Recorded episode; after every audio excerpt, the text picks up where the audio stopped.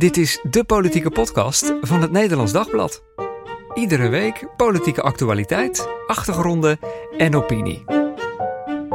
Welkom, ik ben Marien Korterink en we hebben het vandaag over de stilte rondom het formatiefront. Hoe komt het dat er eigenlijk niks uitlekt? We bespreken het VVD-congres, de aangenomen spreidingswet en de uitspraak van de rechter over Ter Apel. En in de rubriek Vragen Den Haag spreekt Ilse Brandeman politici om te vragen wie hun belangrijkste steun en toeverlaat zijn. De politici zijn vaak te zien op televisie, maar wie doet voor hun achter de schermen het belangrijke werk?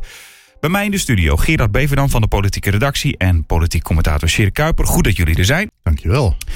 Veel te bespreken. Vorige week hadden we het al uitgebreid over die spreidingswet. Dus nog eventjes kort. Uh, geen verrassing dat het deze week dan uiteindelijk het officieel de door is in de Eerste Kamer. Nee, nee zeker niet. En uh, ja, we hadden natuurlijk vorige week van de VVD al gehoord wat ze gingen stemmen. En ook unaniem gingen stemmen. Ja, het had eigenlijk een glorieus moment moeten worden van Martin van Rooyen... die we nog wel kennen, van 50 plus. heeft in de Tweede Kamer gezeten, is nu senator. En heel lang werd gedacht dat hij uh, de doorslaggevende stem zou hebben.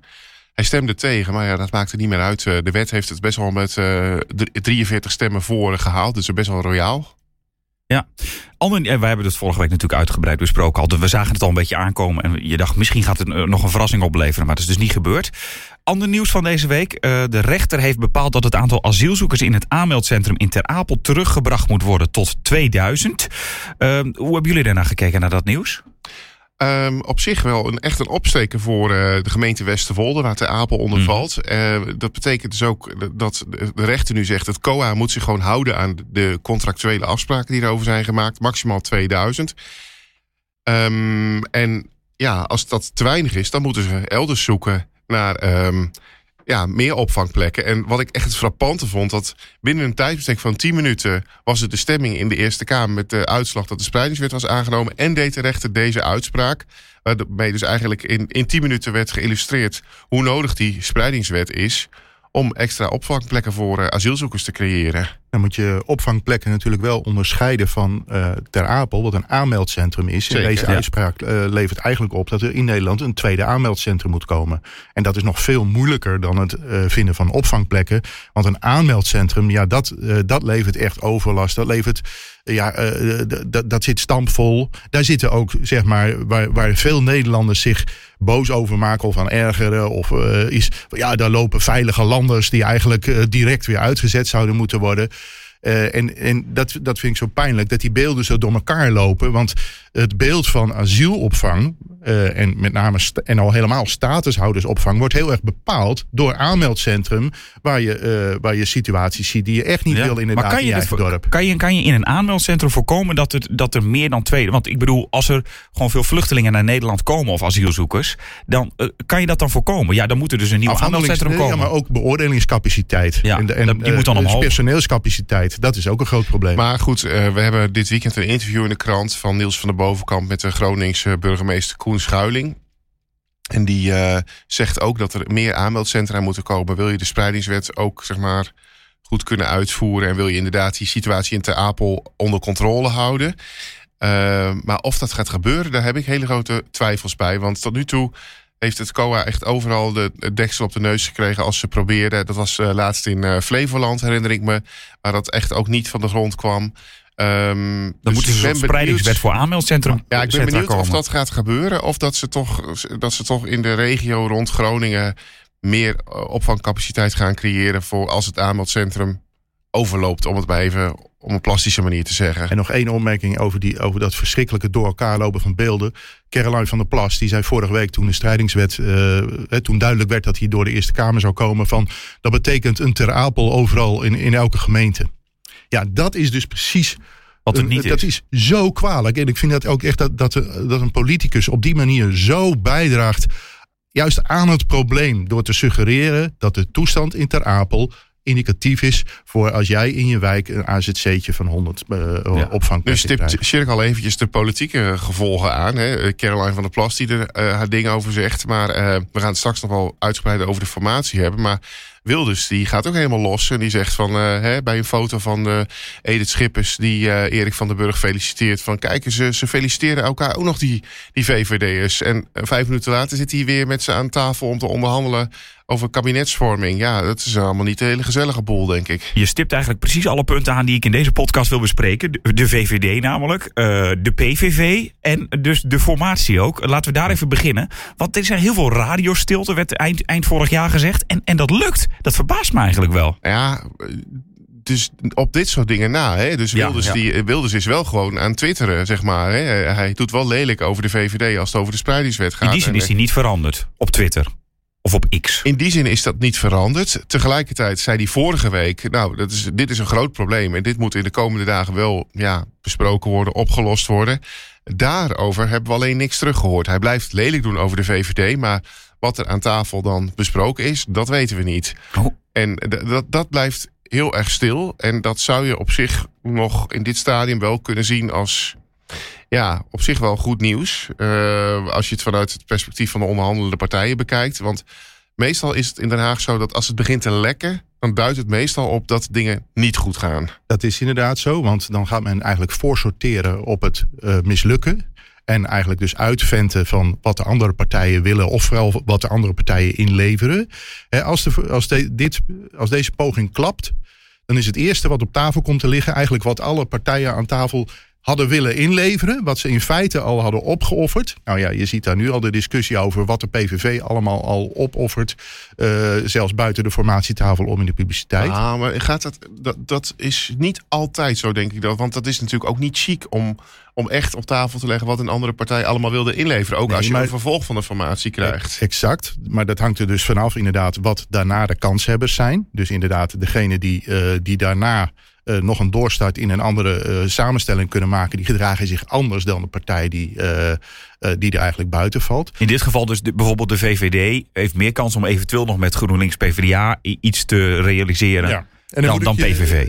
moet ik je wijzen op een ander aspect van waarom het rond deze formatie zo stil is. Omdat die drie van de vier partijen nauwelijks of geen traditie hebben op het gebied van voorlichten, spinnen, lekken.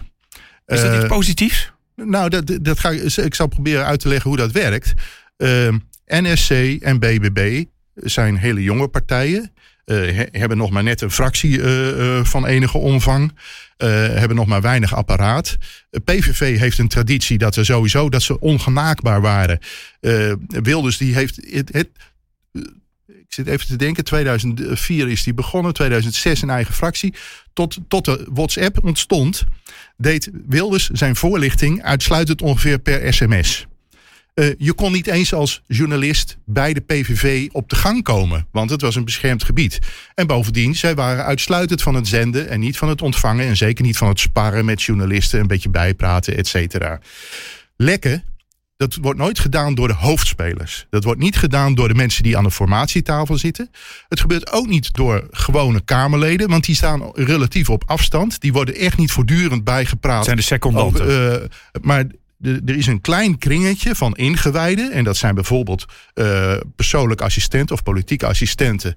En uh, hoofdvoorlichters van, uh, van fracties. Die weten wat er speelt. En via dat spoortje wordt strategisch informatie gelekt.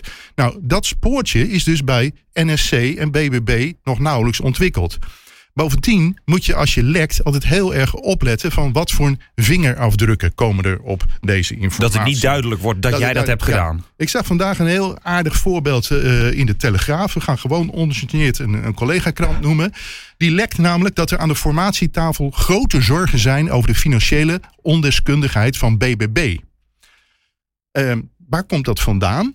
Het grappige is, boven de, het verhaal staat dat met name Omtzigt daar zorgen over zou maken. En dat toen de topambtenaren van de rekenkamer en dergelijke aan tafel zaten en onnozele vragen kregen, dat Omtzigt daar toch wel ernstig over uh, verbaasd was. Ik vermoed dat dat niet van Omtzigt zijn uh, club vandaan komt, maar van de VVD. De VVD, de enige van de vier partijen met een, met een zeer geavanceerde strategische ervaring op het gebied van lekken en spinnen. En die gebruiken eigenlijk zeg maar de misprijzende blik van omzicht om BBB uh, eh, in het daglicht te stellen van ja, dat is ook een club amateurs. Daar kan het niet goed mee gaan als het over centen gaat. Zie jij dat ook, Gerard? Ja, nou ja, goed. Shirk stipt het al even aan. Wat ik duidelijk in Den Haag zie, is dat fracties heel matig worden geïnformeerd. Ja. ik, ik begreep ook inderdaad uh, wat, wat contacten die ik binnen NSC bijvoorbeeld heb gehad. Dat mensen eigenlijk, uh, nou ja, echt uh, bijna geen informatie krijgen. Ook al maken ze deel uit van die. Ze weten niet wat Pieter Omtzigt en, nee. en, en consorten aan het doen zijn. van Heijem, dat zijn de ja. onderhandelaars, wat, wat daar precies gebeurt. En dat is op zich ook niet heel vreemd hoor. Meestal onderhandel je eerst het uit. En zeker, we zitten natuurlijk nu nog, ook nog in een fase waarin er eigenlijk gewoon alleen maar afgetast wordt of, of dat het echt tot, tot echte onderhandelingen kan komen. Zeg en als je zo'n hele partij meeneemt, dan is de kans op lekken natuurlijk ook weer groter ja. als 80 mensen erbij Ja, en vooral dan is de kans op per ongeluk lekken. Ja, Kijk, precies. lekken is een, in politieke context een heel misleidend woord. Een lekke pan is een kapotte pan. Maar een lekkende spindokter is een strategisch, bewust, actief lekkende. Ja, en dit gaat om het uh, voorkomen van onbewust lekken. Eigenlijk dat iemand per ongeluk zich verspreekt. Kijk, en, en Wilders die hoeft natuurlijk helemaal aan niemand verantwoording af te leggen. Want het is het enige lid van zijn eigen partij. En uh, ik hoorde ook uh, in de wandelgangen in Den Haag dat zelfs Kamerleden van andere fracties gewoon verbaasd zijn over de soms haast angstige houding die PVV-Kamerleden hebben. Die, die gewoon liever eigenlijk niet het gesprek met je willen aangaan. Uh, uh, wegvluchten als je dat wel probeert. Uh, ja, nou ja, echt een deel van die fractie die ook ja, bepaald geen uh, sterke indruk maakt. Ja, we zagen dat al op de dag van de beëdiging. Dat ze daar binnenkwamen. Hè, raadsleden uit het land die ineens naar de Tweede Kamer moesten. En die reageerden van ja, ik had het eigenlijk helemaal niet gewild. Het heeft me enorm verrast. Ik zat niet naar de uitslagen te kijken. Maar ik bleek ineens, hoorde ineens dat ik Kamerlid werd. En dan was de vraag van en hoe vind je dat, wat vind je dat de PVV nu moet doen? Wat wilden ze nu moet doen? Ja, dat is, dat is niet aan mij hoor. Daar bemoei ik me niet mee. Dus het is, ja, als je het nou hebt over amateurisme. Dat is, dat is bij de PVV is dat... Ja. Uh, en ik wil eigenlijk een beetje... Ja, ik wil altijd oppassen om er niet uh, lelijk over te doen. Uh, maar, ja, je mag wel gewoon zeggen hoe het is. Nou ja, kijk, het punt is wel, de, de volksvertegenwoordiging, het parlement, is, is er om de regering te controleren. En ja. als je dan inderdaad dus mensen hebt die eigenlijk ook uh, al niet eens. Uh, kijk, het waren geen journalisten die, die aanspraken. Maar ik hoorde het van een Kamerlid die zei van. Nou, ik probeerde even met wat mensen in contact te komen. En ze vluchten bij wijze spreken de lift in. Dan denk je echt van ja, uh, maar goed, ja, wat, wat, wat, ga, wat hebben we daar dan van te verwachten qua kwaliteit van het parlementaire werk? En ja. daar, ja, daar, ik snap wel dat daar zorgen over zijn. Ja. Je zegt nu terecht, het is de Kamer die de regering controleert complexe van deze situatie is dat er een soort aspirant-regering is. We, spelen op het ogenblik op twee borden. We hebben nog een, demissionair kabinet, kabinet wat allerlei besluiten neemt. Dat wordt kritisch gecontroleerd door een Tweede Kamer. Tegelijk zit, is er een mogelijke coalitie in de maak. En met name de partijen die zich daartoe verhouden, die zitten nu in een hele lastige spagaat. Want die kunnen uh, tegen de oude, tegen het demissionaire kabinet niet meer roepen. Wat ze misschien morgen wel tegen hun, uh, hun eigen minister uh, ja. zouden Maar het gaat niet heel lang stil meer blijven, denk ik. Nee, want ik wou zeggen, om af te ronden over dat lekken. Als nou je ja. dan dit nieuws uit de Telegraaf. betekent ja. dit dat het even niet zo goed loopt? Dat, nou ja, goed. Ik vind dat dat lastig om dat aan één zo'n verhaal te koppelen. Dit gaat niet over specifiek onderwerpen. Nee, dit nee, gaat precies. gewoon over de financiële ondeskundigheid ja, van een fractie. En, uh, maar kijk, uh, we hebben een vrij vroeg, uh, of een heel vroeg uh, krokusreces. Dat is over twee, ruim twee weken begint dat al. Um, dus dat betekent over drie weken. Um, dus dat betekent dat, dat wel de komende ja, de komende twee weken zullen we toch meer moeten horen over hoe het gaat. En, uh, want dan kan er ook nog zeg maar, voor het reces een debat over in de Tweede Kamer worden gevoerd. En ik denk ook wel dat iemand als omzicht, die, die, waar, waarvan we begrijpen dat toch in zijn fractie de meeste fundamentele bezwaren leven tegen samenwerking met de PVV. Die zullen toch op een gegeven moment nu een keuze moeten gaan maken van willen we hiermee doorgaan of niet? En zo ja, op welke manier? En da daar moet ook gewoon een keer publiekelijk en politiek verantwoording over worden afgelegd. Komt er dan een congres bij NSC? Ja, dat is. Uh, dat denk ik, dat weet ik niet. Ik, dat, dat is een goede vraag. Maar uh, wellicht komt er wel een uh, ledenbijeenkomst van NRC. Want dat hebben ze ook al eens eerder georganiseerd. En dat uh, om zich daar de leden gaat bijpraten over ja, wat hij heeft bereikt in de formatie. Het is wel een partij die dat belangrijk vindt, toch? Van iedereen steun ja, voor iedereen. Iedereen wel, mag zijn mening geven. Ja, je ziet wel echt dat het een partij is die ja, aan het begin zit van zijn opbouw. Maar ze hebben al wel een keer ja, hier in Amersfoort in de Rijtuigenloods ook zo'n bijeenkomst gehad. Dus ik ben benieuwd. Er staat nog niks op de agenda. Ik kan er niks over vinden. Nee, nee. Wel aardig om eens eventjes achteraan te gaan hoe op het ogenblik eigenlijk de, het, het, het opbouwen van NSC als partijorganisatie uh, uh, verloopt. Ja, ze gaan wel meedoen aan de Europese verkiezingen. Ja. We gaan uh, zo meteen doorpraten over dat VVD-congres van aankomend weekend. Want nou, die gaan ongetwijfeld ook over de formatie praten. Eerst gaan we naar Ilse Brandeman, die in Den Haag Tweede Kamerleden vraagt naar hun steun en toeverlaat. In bange tijden misschien wel. Vraag het Den Haag. Kamerleden zijn heel zichtbaar en altijd met hun hoofd op televisie. Maar wie zijn er echt onmisbaar achter de schermen? Dat is de vraag die ik deze week aan Kamerleden ga stellen. Mevrouw Sarah Dobbe van de SP, wie is uw grote inspiratiebron in uw werk? Wie is onmisbaar? Ja, in mijn nabije werkomgeving zijn natuurlijk iedereen met wie ik werk. Maar als je het hebt over uh, wie inspireert mij, dan moet ik toch terug naar de basis. En dat zou dan toch mijn vader zijn. Uh, die op dit moment zelf ook helaas zorg nodig heeft. En daar zie ik gewoon hoe belangrijk het is en hoe liefdevol dat wordt gegeven. En daar ben ik gewoon heel erg dankbaar voor. Maar daar leer ik ook weer heel erg veel van. En zegt u dat wel eens tegen uw vader?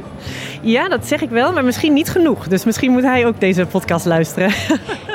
Mevrouw Keizer, wie is er onmisbaar in uw werk?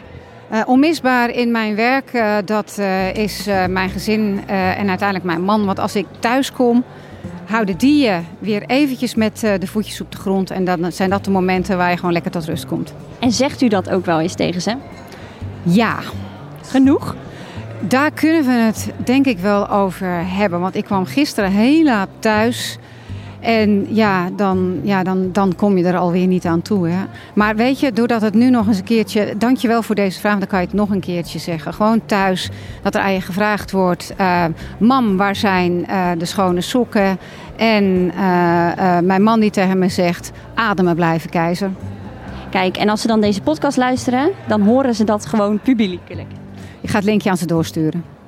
Mevrouw Fleur Agema van de PVV, wie is er voor u in uw werk onmisbaar? Nou, dat zijn uh, natuurlijk mijn beleidsmedewerkers uh, Gina, Adi en uh, Tamara. Kijk, dat zijn er gelijk drie. Ja, er, zijn, er is geen Agema zonder die drie. En, Want die helpen u inhoudelijk verder? Ja, ja, ja, dat is elk gek idee dat ik heb. Dat ja, voorzien zij van de nodige backup. Dus dat, ja, het is vooral Gina en Adi, die zijn al 14 en 15 jaar iets in die richting bij me. En zonder, zonder hun gaat het echt niet. Bent u eigenlijk zelf ook onmisbaar, denkt u? Nee, ik niet. Natuurlijk, ik hoop het niet. Want dan kan, heb ik nog toekomst, een andere, uh, toekomst voor me of zo, voor een ander leven. Nee, ik ga niet vanuit dat ik onmisbaar ben. In de staatspassage sta ik naast Cor Pierik van de BBB. Meneer Pierik, wie is er voor u onmisbaar in uw werk? Nou ja, dat zijn eigenlijk heel veel mensen hè, die me helpen. Beleidsmedewerkers, maar ook uh, mensen in het agrarische netwerk die me voortdurend voeden met allemaal hele interessante informatie. En als u nou één iemand mag kiezen, wie noemt u dan? Ja, nou, een van mijn uh, uh, inspiratoren is toch wel mijn vader geweest, die op 91-jarige leeftijd nog heeft besloten om te gaan voor een beter beleid voor boeren. Dus die vond eigenlijk dat er in die landbouw toch wel een iets andere wind moest gaan waaien. En uh, ja, dat vind ik toch eigenlijk wel een. als je op, op zo'n oudere leeftijd nog een beslissing neemt om het roer om te gooien, daar waren zelfs mijn kinderen behoorlijk van onder de indruk. Dat snap ik. En bent u zelf eigenlijk ook onmisbaar? Nee, niemand in de wereld is onmisbaar. Dat is flauwekul. Ook u niet? Nee, absoluut niet. Integendeel. Er zijn toch wel veel politici die zeggen dat hun familie onmisbaar is. Of het gezin. En dat dat hun grote inspiratiebron is. En eigenlijk heb ik dat zelf ook wel een beetje. Dus bij deze een dikke pluim voor alle brandemannen.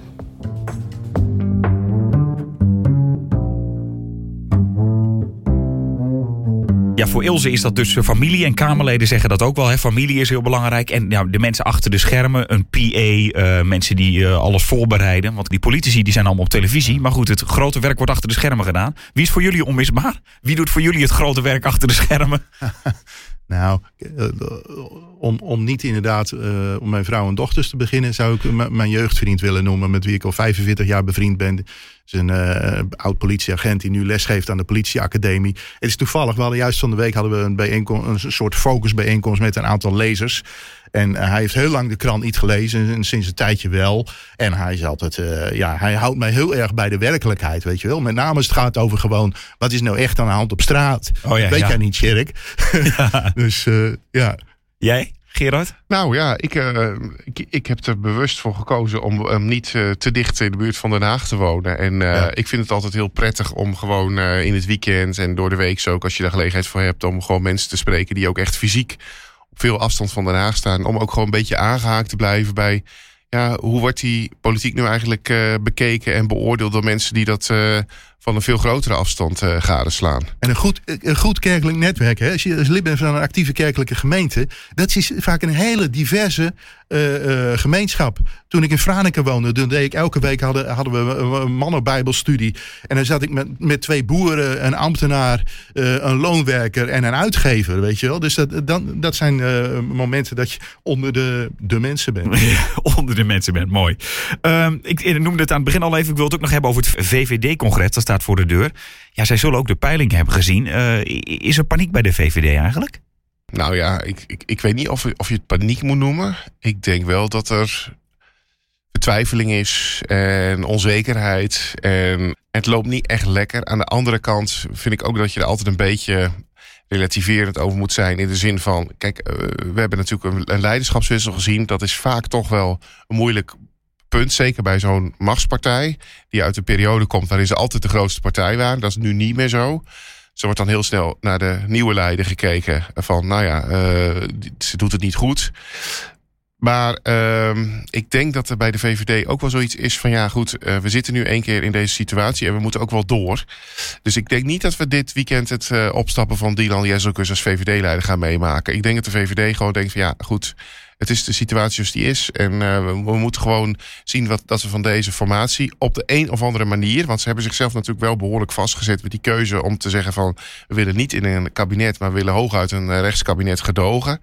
Uh, of ze dat gestand doen, die, die, die belofte of die stellingname, dat moet nog zien. Maar ja, ik denk dat ze wel even heel kritisch gaan zijn, maar dat ze ook wel weer met een biertje in de hand de blik op de toekomst maar, gaan richten publiekelijk is het nu inderdaad in allerbelang om de rijen gesloten te houden. Ja. Maar onderschat niet hoe achter de schermen uh, de messen getrokken worden. Ik heb ooit toen uh, uh, Ed Nijpels commissaris werd in Friesland en ik daar werkte met hem een keer een achtergrondgesprek gehad en die zei van Sjerk, de grootste vijanden zitten in je eigen partij. En, is dat bij elke partij zo? nou, het, het, was in zijn geval dus de VVD, dus ja. daarom durf ik het te zeggen. Maar ik denk, ik, ik denk dat zelfs bij, bij zeg maar, ogenschijnlijk keurige partijen, de teleurstelling het grootste is over wat je eigen mensen, je eigen partijgenoten, je, je, het kringetje om jezelf heen soms gaat doen op het moment dat het lastig wordt uh, en het moeilijk, uh, moeilijk wordt. Maar we hebben gewoon een aantal problemen bij de VVD. Kijk, je hebt behalve dat, dat ze in de kiezersgunst gewoon even er heel slecht voor staan. Hè, in de peiling van Maurice de Hond afgelopen zondag een halvering ten opzichte van het aantal Kamerzetels wat ze hebben gehaald bij de verkiezingen. Dat, dat was al slecht. Ja. Want dus nu nog maar op 12. Um, dat is echt ongekend voor de VVD. Al, al, ja. Dit blijft een peiling, maar, ik zeg het er maar bij. Maar... Het hele gedoe rond de spreidingswet maakt ook duidelijk... dat er interne strijd gaande is. Dus een, een bloedgroepenstrijd, zo je zou willen. Hè. Je hebt Van der Burg, die heel erg voor de spreidingswet... als staatssecretaris heeft gepleit. Die er overigens zich nooit over wil uitspreken... wat hij er nu eigenlijk als VVD-Kamerlid... wat hij ook is van vindt. Heeft onlangs, dat weten we nog wel... heeft hij een stemming uh, daarover zelfs ontlopen. Daar was hij niet aanwezig. Um, tegelijkertijd zie je bijvoorbeeld een, een, een, een jong en uh, ja, talentvol Kamerlid als Ruben Brekelmans... die eigenlijk ja, echt nog van een veel rechtsere koers is dan Jezelgus. Um, ik denk dat Jezelgus toch nog best, best wel een beetje ja, het in zich heeft om die beide groepen nog wel aan, aan elkaar te verbinden. Want als je, een, ik, ik, denk niet dat je nu op dit moment van de Burg uh, leider van de VVD moet maken, maar ook Brekelmans niet omdat je dan, eh, dan gaat die partij scheuren. Zeg je hebt twee bloedgroepen en je zulke zit wel een beetje in het midden, zeg je. Ja, de VVD ja. heeft altijd bloedgroepen gehad. En het is, uh, het is van oorsprong al een, een samengaan van liberalen en conservatieven, wat twee verschillende ideologieën zijn. Je hebt grote wisselingen gehad. Bijvoorbeeld Bolkestein, Voorhoeven. Voorhoeven is iemand die naar de huidige maatstaf een D66 was. Zelfde uh, Wiegel uh, Dijkstal. Dat waren, dat waren twee mentaliteiten. En die partij die is sinds de jaren tachtig zo is een brede volkspartij geworden. Maar tegelijk wat er ideologisch zeg maar, samenbindt. En ook wat er economisch mensen samenbindt. Hè, want vroeger was het een ondernemerspartij. Nou, als je het nou alleen al hebt over arbeidsmigratie, is het belang van een ondernemer totaal anders dan het, uh, be, dan het belang van de volkse VVD-stemmer... die gewoon nou ja, een opvatting over migratie Twee heeft. dingen. Joris Voorhoeven is ook zelfs D66 ja, geworden. Ja, exact. En uh, ik heb me deze week best wel verbaasd over... en ja, haast opgewonden over wat er in het Westland gebeurde. Uh, waar natuurlijk het, het kassengebied... Ja. daar werken 12.000 arbeidsmigranten. Die kunnen maar voor een paar duizend wonen er in de, in de gemeente zelf. De rest, dat is allemaal druk op de omliggende gemeente, vooral op Den Haag. Maar toen de spreidingswet kwam, toen zei onder meer de lokale VVD-fractie... maar daar gaan we niet aan meewerken.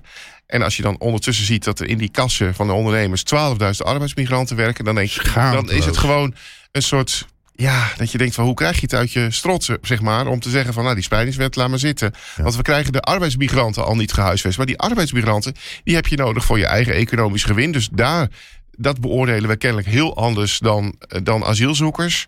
Ja, dat is eigenlijk onnavolgbaar. Ja, de hele agribusiness, de slachterijen, ze kunnen allemaal niet zonder. Maar nog een tweede ding waarom ik eigenlijk bij de VVD geen leiderschapswissel op korte termijn zie, is dat ze eigenlijk dus, ja, je kunt inderdaad als je dus voor Brekelman zou kiezen, dan sla je echt rechtsaf. Ver, voor de rest heeft de partij op dit moment gewoon niet echt mensen die het zomaar even van Jezelkus kunnen overnemen. Je moet niet vergeten het ongelooflijke, ja, spreekwoordelijke kerkhof wat achter Mark Rutte ligt. Hoeveel, hoeveel, hoeveel talentvolle VVD'ers zijn er niet onder zijn bewind uh, ja, gesneuveld. Niet dat dat per se zijn schuld is, helemaal, meestal niet. Maar er was gewoon geen ruimte. Albe Zelstra, eh, Janine Hennis. Allemaal mensen die op een gegeven moment zijn afgetreden... en dan uit de Nederlandse politiek zijn verdwenen. Terwijl ze recenter of wat langer geleden... best wel werden genoemd als potentiële VVD-leiders. Maar die mensen ja, die zijn allemaal gepasseerd, die zijn weg. Die hebben vaak andere uh, nieuwe banen. Dus die zie je ook niet 1, 2, 3 terugkomen. De enige waarvan toch vaak nog wordt gezegd... Uh, die zien we nog wel eens een keer weer terugkomen. Dat is Klaas Dijkhoff. Maar ja, die zegt zelf vaak, ik heb een jong gezin en dat wil ik eerst gewoon uh, goed op weg helpen. Er is nog een, een complicerende factor. Hè. We gaan aan op de Europese verkiezingen. Daar gaat het congres ook over. Uh, ik denk dat het de, de, Europese lijsttrekker Malik Asmani wordt daar op het schild geheven. Als het nou over Europa gaat, is er natuurlijk ook een groot verschil tussen de VVD en de weggelopen VVD'ers die bij de PVV zitten. PVV, een anti-Europese partij die op het ogenblik zelfs geen zetel in het Europese parlement heeft. En de VVD, een, een partij die ideologisch en economisch voluit pro-Europees is.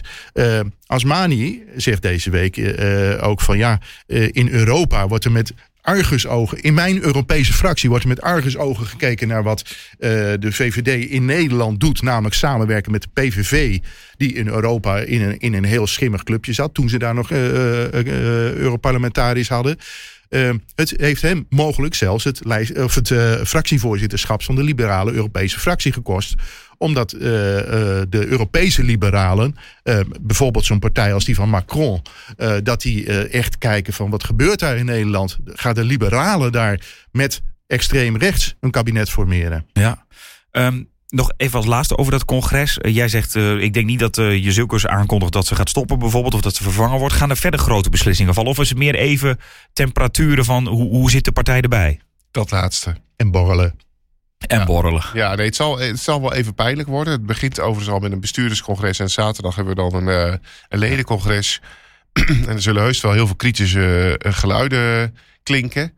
Maar uiteindelijk uh, denk ik dat de VVD'ers beseffen van ja, we zitten nu toch wel in een kabinetsformatie. Wie weet kunnen we. Kijk, uiteindelijk is het natuurlijk wel met de VVD begonnen. Hè? Laten we dat niet vergeten. Ik bedoel, we zitten in deze situatie omdat de VVD een strenger asielbeleid wilde en dat niet hm. voor elkaar kreeg met het ja, huidige demotionaire kabinet. Daardoor zijn de verkiezingen gekomen. Zij hebben zelf de deur voor Wilders opengezet. Dus ik denk ook dat ze in een situatie zitten dat ze het nu maar gewoon moeten laten zien. En dat ze dat, dat, dat rechtse beleid, wat ze kennelijk zo graag willen, uh, van de grond krijgen. Uh, wat, of dat een groot succes gaan worden, gaat worden, dat moeten we allemaal nog maar zien. Mijn indruk is dat we in het verleden vaker hebben gezien dat middenkabinetten in Nederland uiteindelijk grotere systeemveranderingen en grotere ja, politieke veranderingen op gang brachten dan een kabinet aan de flanken. Wat, uh, ja, goed, Rutte 1, dat herinneren we ons nog wel. Dat is ook geen uh, daverend succes geworden. En dan druk ik me zacht uit. Ja. ja. maar dat is een mooi bruggetje net volgende. Nou, ik wilde net zeggen, jij noemt het al even de deur opengezet voor de PVV en Wilders. Daar wilde ik nog even over hebben. Want jij schrijft dit weekend ook in de krant uh, over dat comfort van Wilders eigenlijk. Hè? Ja. Kan je dat uitleggen? Nou ja, 49 zetels in de peilingen. Dus hij voelt zich ontzettend sterk. Hij uh, heeft een, uh, een 49. Een, een derde van, van, de, van, van de zetels. Ja, ja, ja. En, en ik bedoel, kijk, tot nu toe hoeft hij zich ook nergens over te verantwoorden. We zien wel de eerste ritselingen uh, van uh, de kabinetsformatie terug in de politieke opstelling van de PVV in de Tweede Kamer. Hè. We hebben van de week gezien dat uh, Fleur Agema, uh, ja, die werd aangevallen van... ja, jullie waren toch altijd tegen het eigen risico in de zorg... en uh, we hebben hier een motie. Nu kan nou, het. Nu kan het. en dan zegt ze toch, ja, nee, dat gaan we proberen... in de kabinetsformatie te regelen. aan de ene kant kun je zeggen, um, nou ja, goed, ze vallen door de mand. Aan de andere kant vind ik het ook wel weer blijk geven... dat de PVV zich toch kennelijk wil conformeren aan de spelregels... die, die in zo'n formatie gelden. Maar ook de politieke spelregels, namelijk dat uh, als je dat eigen risico wil afschaffen, dat het wel in ieder geval ergens van betaald moet worden. En dat je daar dus kennelijk, uh, ja, dat je daar gewoon een deal over moet sluiten. Maar dan worden ze wel op aangevallen dan dus direct. Ja, en wat heel wonderlijk was, was gisteren Kamerlid Emiel van Dijk van de PVV in een debat over de Europese top. En dan ging het over de steun aan Oekraïne. En dan zei hij, ja, wij zijn, uh, ja, we zijn niet voor meer financiële en militaire steun aan Oekraïne.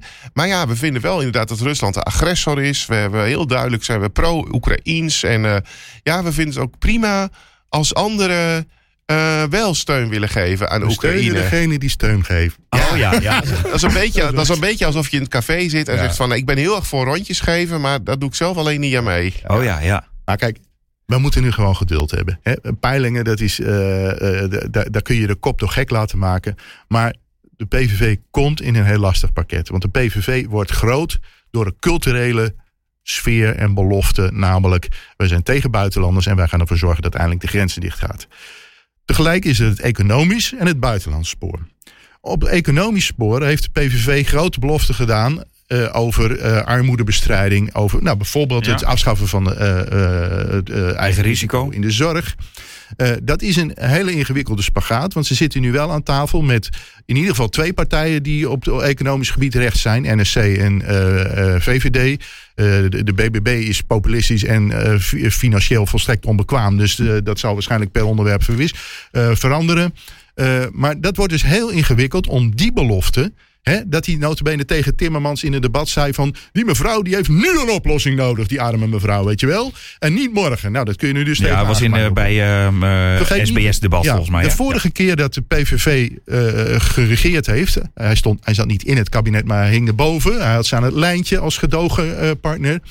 Eh, liep het op een gegeven moment stuk op, een, op economische besprekingen. De katshuisbesprekingen gingen over bezuinigingen. En daarvoor is eh, eh, Wilders uiteindelijk weggelopen. Hij is toen in die tijd, toen het kabinet Rutte 1 viel, stond de SP op 38 zetels in de peilingen.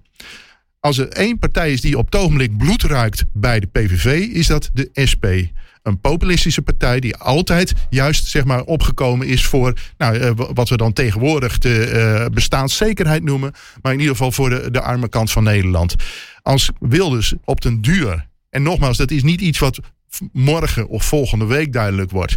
Maar dat wordt wel duidelijk als er een regeerakkoord wordt eh, gesloten. En dat wordt wel duidelijk als er geregeerd gaan worden. Als dan blijkt dat die hele belofte van ik ga het uit met mijn vrouwtje.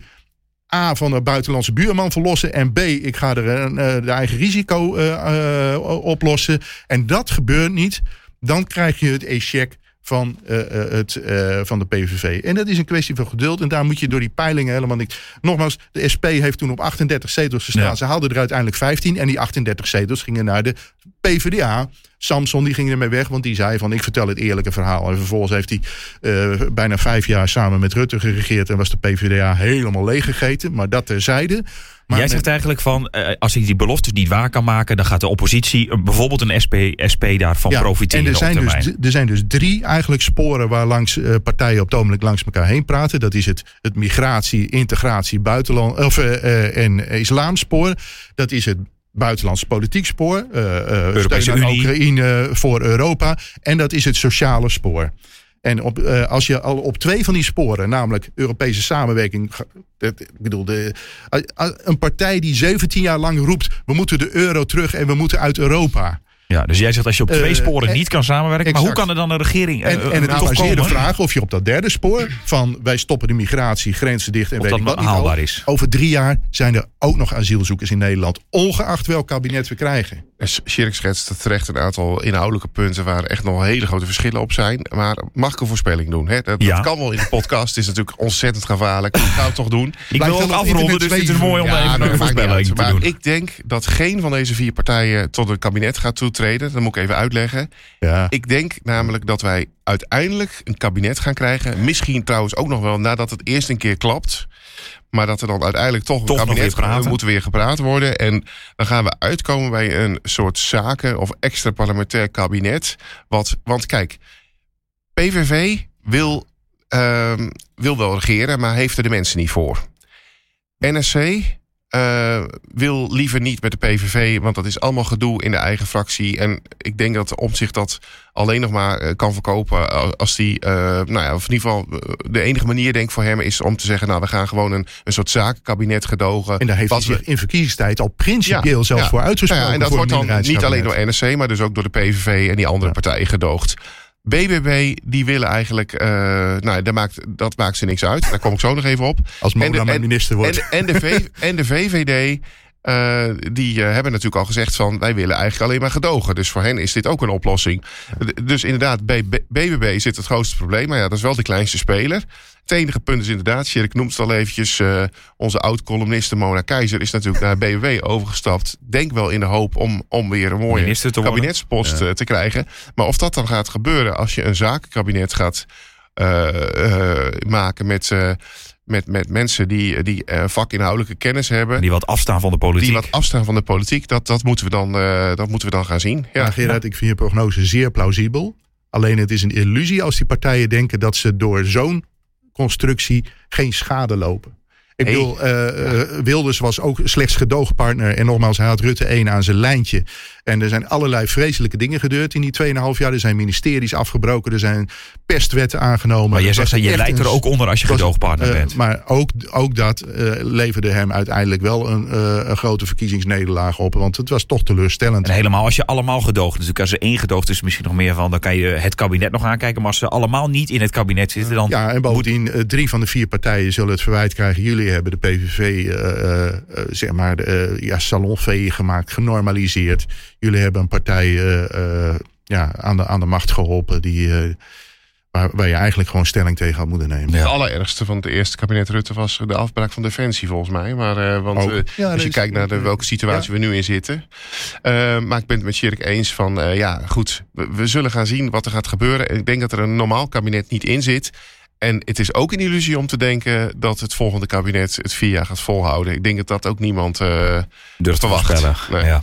Ehm, even kijken naar komende week nog. Staan er nog spannende dingen op het programma? Ja, we hebben natuurlijk die, die, die, die gekke campagne gehad met een heel lang, eh, of nou heel lang, maar in ieder geval een aantal weken verkiezingsreces. Dat betekent ook dat alle begrotingen voor dit jaar nog niet behandeld zijn. We hebben van de week eh, de volksgezondheidsbegroting bijvoorbeeld gehad, waar overigens D66 weer met een doldwaas voorstel kwam dat, dat alle organisaties die het recht op abortus ter discussie stellen, dat die geen subsidie oh meer ja, mogen ja, ja. ontvangen en dat soort. eh, ja, zeg dat gaat- nog even heel nadrukkelijk tegen de luisteraar. D66 is ook een foute partij. Op sommige momenten zijn ze echt heel vervelend bezig. Ja, ja, ja, nee, dat heeft ook weer heel veel kwaad bloed gezet. Ook bijvoorbeeld binnen de huidige eh ja, demissionaire coalitie, die toch nog steeds eh, eh, met, eh, met, met mensen dit kabinet eh, draagt. En Want wie stond daar de begroting te verdedigen? Mevrouw Connie Helder. Omdat vorige week meneer Kuipers D66 Nou ja, ineens is dat, is dus, dat geeft dus ook wat pijn. Want bijvoorbeeld hè, van de ChristenUnie, daar zitten Maarten van Ooyen en Carola Schout en Piet Adema nog gewoon op hun post. En die Ja. blijven dat ook wel doen tot het einde van eh eh, dit demissionaire kabinet, kabinet. Verwacht ik. Maar eh, bij D60, daar is het een duiventil. Daar zijn, daar is, eh, daar, daar zijn de, eh, ja, al verschillende mensen uitgevlogen in, naar betere banen. En ja, dan kun je bij Kaag zeggen, nou ja, ze heeft een hele belangrijke functie in het Midden-Oosten gekregen. Maar ja, je, had ook, je kunt ook Ja, zeggen, ja, ik ben minister. publieke taak op zich genomen. Ja, nou ja, goed. Maakt niet uit. Maar ehm, eh, dat geeft dus kwaad bloed. Maar we gaan de komende week gaan we in ieder geval de begrotingsbehandelingen meemaken van buitenlandse handel en ontwikkelingssamenwerking met de nieuwe minister Geoffrey van Leeuwen. En, en Piet Adema zien we dan, want die gaat de landbouwbegroting verdedigen in de Tweede Kamer. Er gaan, We gaan het- ministers naar een andere baan de komende tijd. Ehm, dat zou zomaar kunnen. We gaan het eh, komende Rutte week volgen. wel. Ja, wel, dat zou ja. wel kunnen. Ja. En misschien dus ook eh, nieuws eh, van het uh, Ja, maar formatiefront. voor de NAVO ben je niet meer zo aantrekkelijk eh, als ze zien wat er nu in Nederland gebeurt. Nee, misschien moet het wel dat, dat opschieten. Ja, lelijk in de kaart. We blijven het volgen. Dit was eh, de politieke podcast voor deze week. Ik wil je vragen om een recensie achter te laten, want dat maakt het voor anderen makkelijker om deze podcast te vinden. En als je op deze podcast abonneert, dan verschijnen we iedere week vanzelf in je podcast-app. Tot volgende week. you